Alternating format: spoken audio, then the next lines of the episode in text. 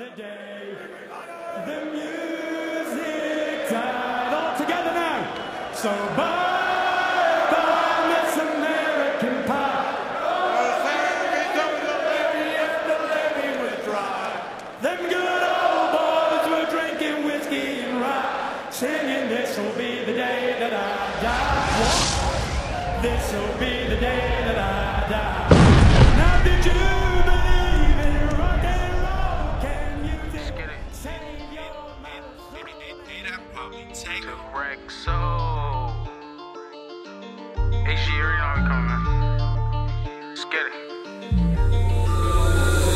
Lit. Just take a look at the drip. You boys don't get fired in this. Roll a dope, yeah, I'm high as a bitch. Wait, it's lit. Iya. Selamat datang di Basic One Two Combo. Podcast sekitaran and seputaran dunia fighting, combat sport, and MMA. Para pendengar Basic One Two Combo di mana pun lo berada. Rasa-rasanya lo semua udah tahu kan jam berapa sekarang? Nggak perlu lagi gue kasih tahu kan. What time it is right now? You also known that it's time buat analisis, insight, atau ulasan tentang Wilder Fury 2. Without further ado, siapa lagi yang akan ngebahas kalau bukan Bro Zata. Bung Rizata. You take it from here. Kuy! Halo Mas Andri dan Bro Abi. Di kesempatan kali ini kita akan breakdown post fight antara Deontay Wilder melawan Tyson Fury yang kedua. Di fight pertama kayak kita semua udah tahu Atau ada juga mungkin pendengar yang belum tahu dan belum nonton fight pertama. Fight pertama antara dua petarung he- heavyweight yang paling berkaliber di dunia ini berjalan sangat keren. Jadi di fight pertama Tyson Fury tuh nyaris ngunggulin Wilder di hampir di mayoritas rondenya. Tapi, tapi nih Deontay Wilder tuh berhasil mukul jatuh Ty- Tyson Fury dua kali. Dan yang paling fenomenal itu waktu Deontay Wilder mukul Tyson Fury jatuh di ronde ke-12 gitu.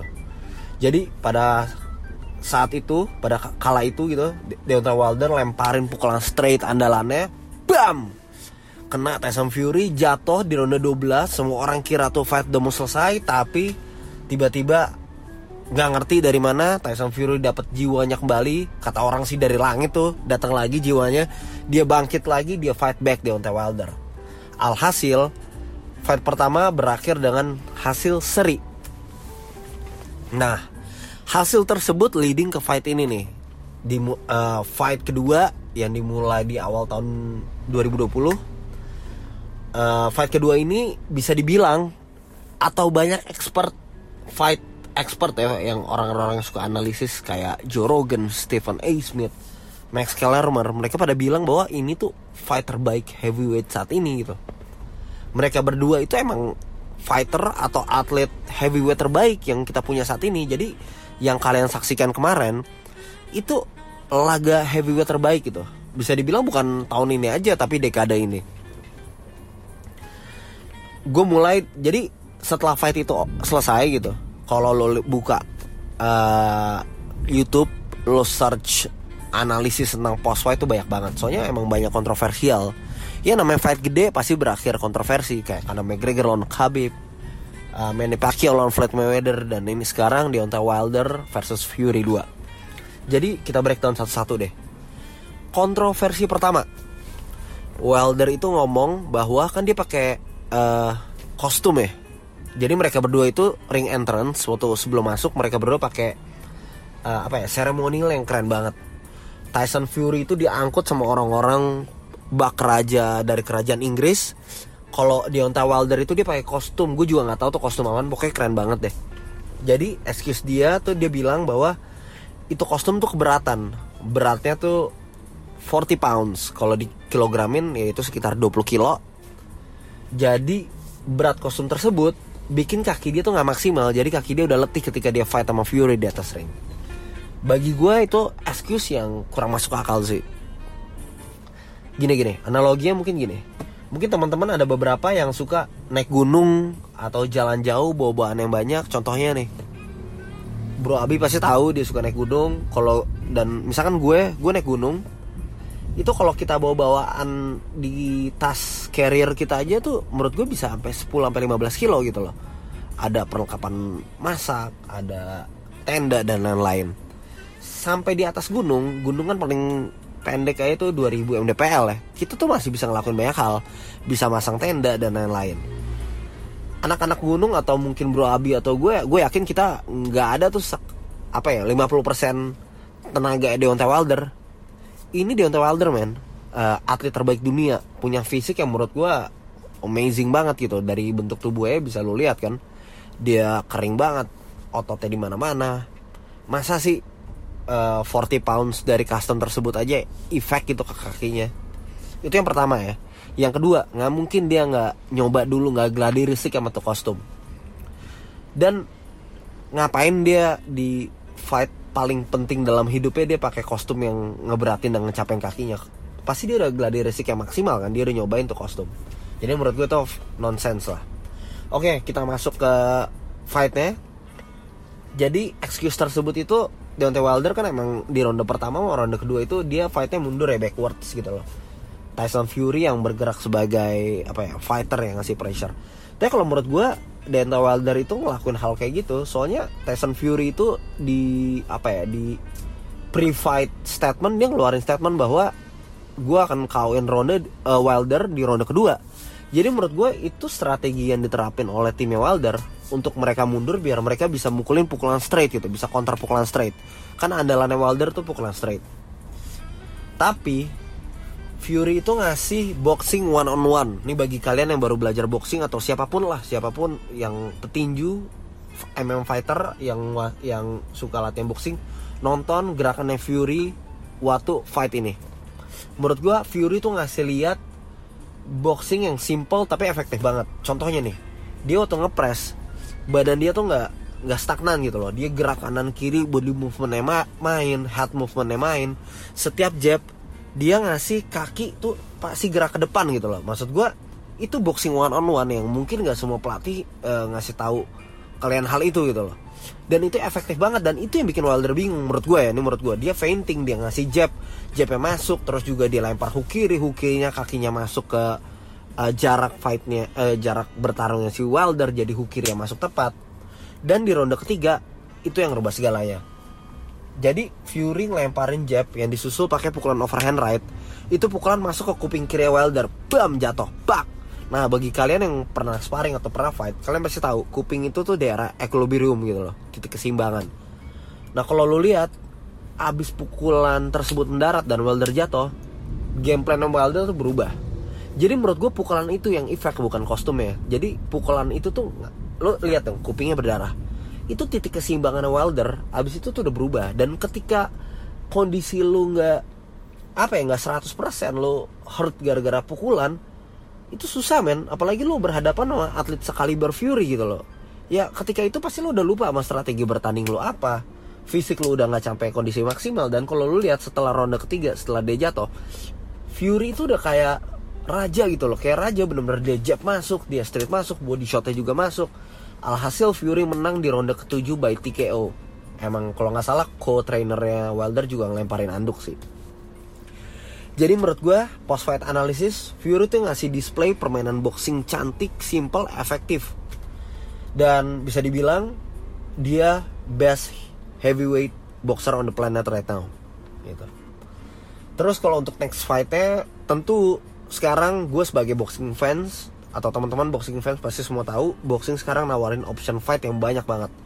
Di heavyweight mungkin Fury bisa fight sama Anthony Joshua kalau buat Wilder mungkin fight yang paling make sense dia lawan Andy Ruiz menurut gue.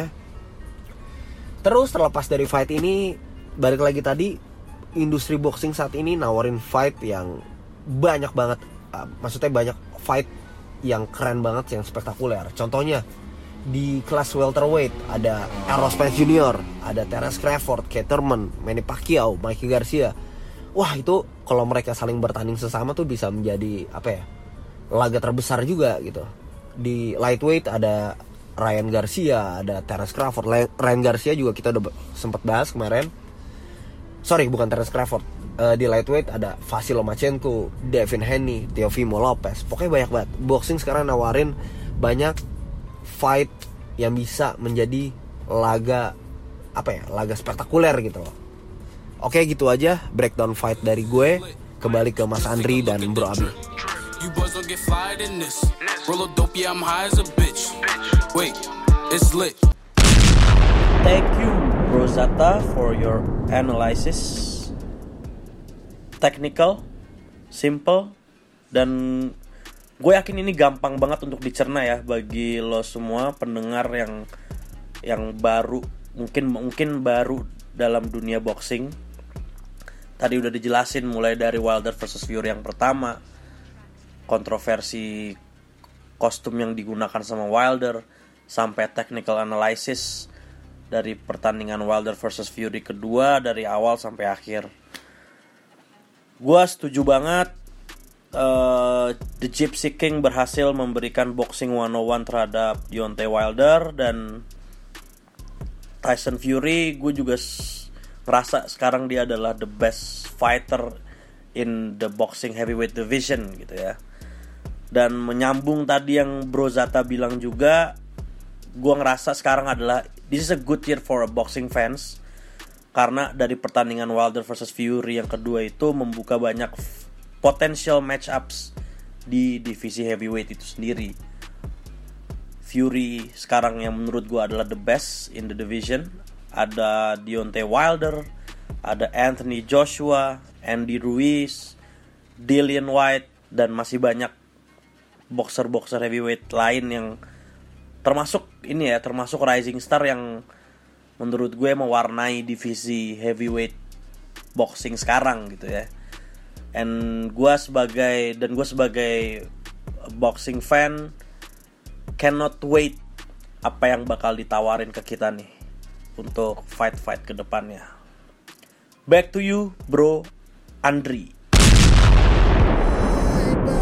Miss American Pie. Drove my savvy to the levee, but the levee was dry. Good old boys were drinking whiskey and rye, singing this will be the day that I die. This will be the day that I die. That's just the way I thank Bro Abi and Bro Zata for this great 19th episode of podcast Basic One to Combo. And of course, that also the way I thank you all, lo semua yang udah pada dengerin podcast ini, yang udah ngedengerin 19 episodes ini.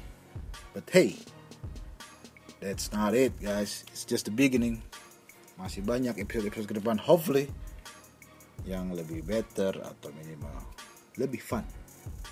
Alright guys ah sengaja kemarin pasca pertandingan Wilder Fury yang bersamaan sama Rookie Fight kita nggak ngeluarin episode-episode sampai eh, sekitar semingguan karena I let you all sink in eh, apa yang gue sebut sebagai eh, Sunday heavennya dari boxing fans khususnya atau combat sport lovers pada umumnya karena kita ada pertandingan Wilder Fury yang dibilang sebagai fight of the century or fight of the decade sama juga sekaligus rookie fight. Yang gak kalah serunya yang ada di depan mata kita yang ada di di lokal scene kita. Jadi you guys all pasti lagi pada kemabokan ya kan disuguhin dua pertandingan atau dua event yang spektakuler buat kita pecinta combat sport atau boxing pada khususnya.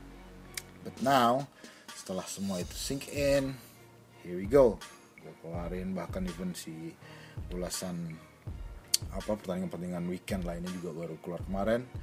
Terus sekarang udah ada ulasan tentang Wilder Fury 2 what's to come adalah kita juga ada eh, wawancara on the spot atau on the spot interview sama petinju-petinju yang bertanding di Rookie Fight kemarin kita punya Fiona kita punya Sergey kita punya Erna ada juga uh, Jesse Douglas yang lawan Ali di main event. Itu akan kita keluarin semua di minggu ini hopefully. Dan juga of course ada interview eksklusif interview kita sama Nuya. The one and only Nuya yang juga salah satu petarung di Rookie Fight. So the great week for you the listeners is coming. Sekali lagi thank you. And there you go Bro Abi and Bro Zata has delivered great commentary insight and analysis analysis. So let's we all thank them. And kita bertiga juga. Thank you all for listening. Alright guys. See you around. Sampai next time. The basic one two combo. Kuy! It's lit. Just take a look at the drip. You boys don't get fired in this. Roll a dope, yeah, I'm high as a bitch. Wait, it's lit.